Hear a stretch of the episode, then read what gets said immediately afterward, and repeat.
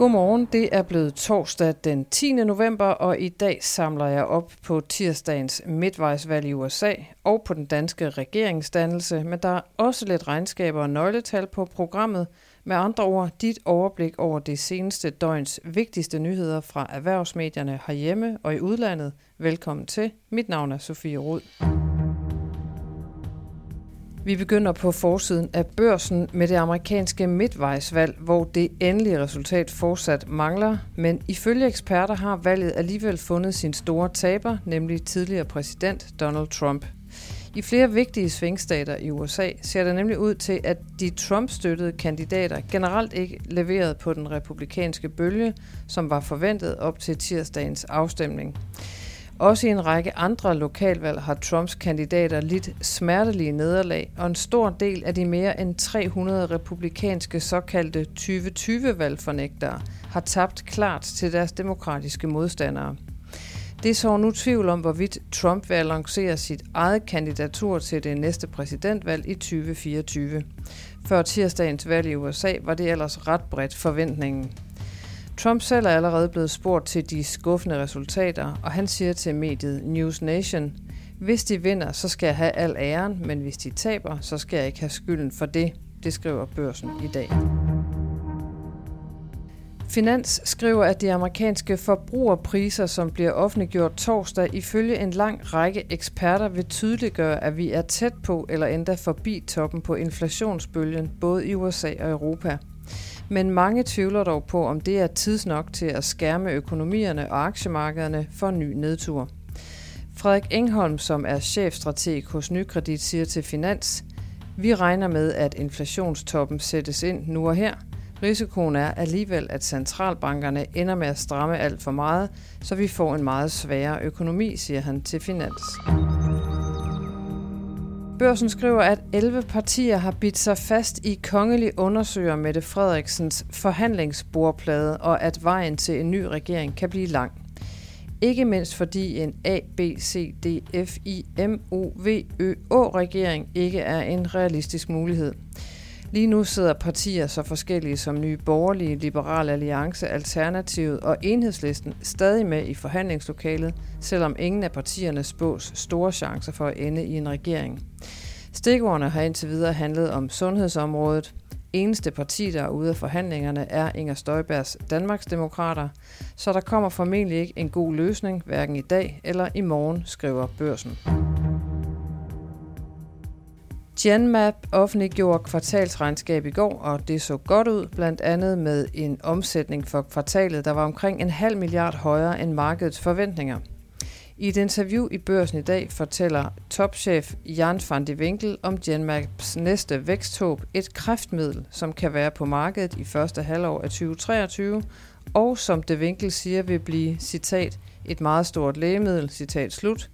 Du kan læse et længere interview med De Winkel og flere detaljer om Genmaps regnskab på borsen.dk i dag. Andre af de store danske virksomheder ser knapt så begejstret på den nære fremtid, skriver børsen i dag. Topcheferne i de største danske virksomheder er nu gået i gang med at forberede deres forretninger på en kommende afmatning, og det betyder fyringsrunder, ansættelsestop og udskudte investeringer. I går var det FL Schmidt, der meldte ud om spareplanerne, og i dag følger en stribe af de største børsvirksomheder med de samme meldinger. En af dem er Demand, som skal fyre mellem 150 og 200 medarbejdere. Administrerende direktør i Demand, Søren Nielsen, siger til børsen, der er nogle af de lidt mere langsigtede tiltag, som vi lige tager genovervejer, om det er nu, det skal sættes i gang, eller om det lige kan træffes, trækkes et kvartal eller to, siger Søren Nielsen til børsen. Vi skal et smut til udlandet, hvor Financial Times skriver endnu et kapitel om historien om kaos i krypto. Kryptobørsen Binance meldte nemlig i aftes ud, at selskabet går fra en blot en dag gammel aftale om at købe og dermed redde den rivaliserende FTX-kryptobørs. Binance begrunder sit spring fra den aftale med bekymringer om FTX's forretningspraksis og henviser også til undersøgelser af FTX, foretaget af det amerikanske finanstilsyn. Det er dem, der hedder The Security and Exchange Commission, det skriver Financial Times.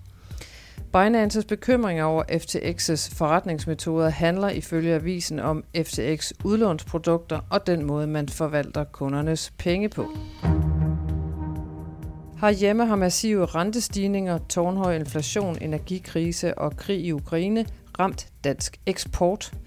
Nye tal fra Danmarks Statistik viser, at Danmark eksporterede for 169 milliarder kroner i september, hvilket er 3,5 procent mindre end i august, og det er det største fald i eksporten i 13 måneder.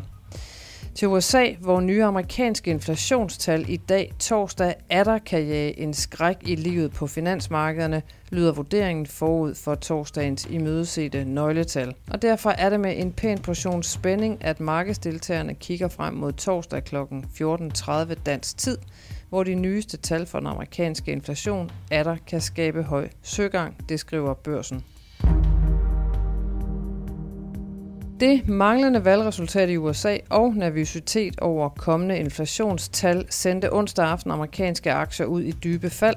Nasdaq-indekset smed 2,5 procent, S&P 500-indekset fulgte efter med minus 2,1 procent. Det danske eliteindeks i 25 havde også en trist dag onsdag.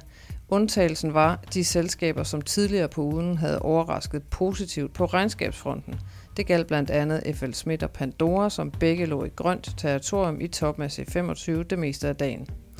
C25 endte samlet nede med 0,5 procent.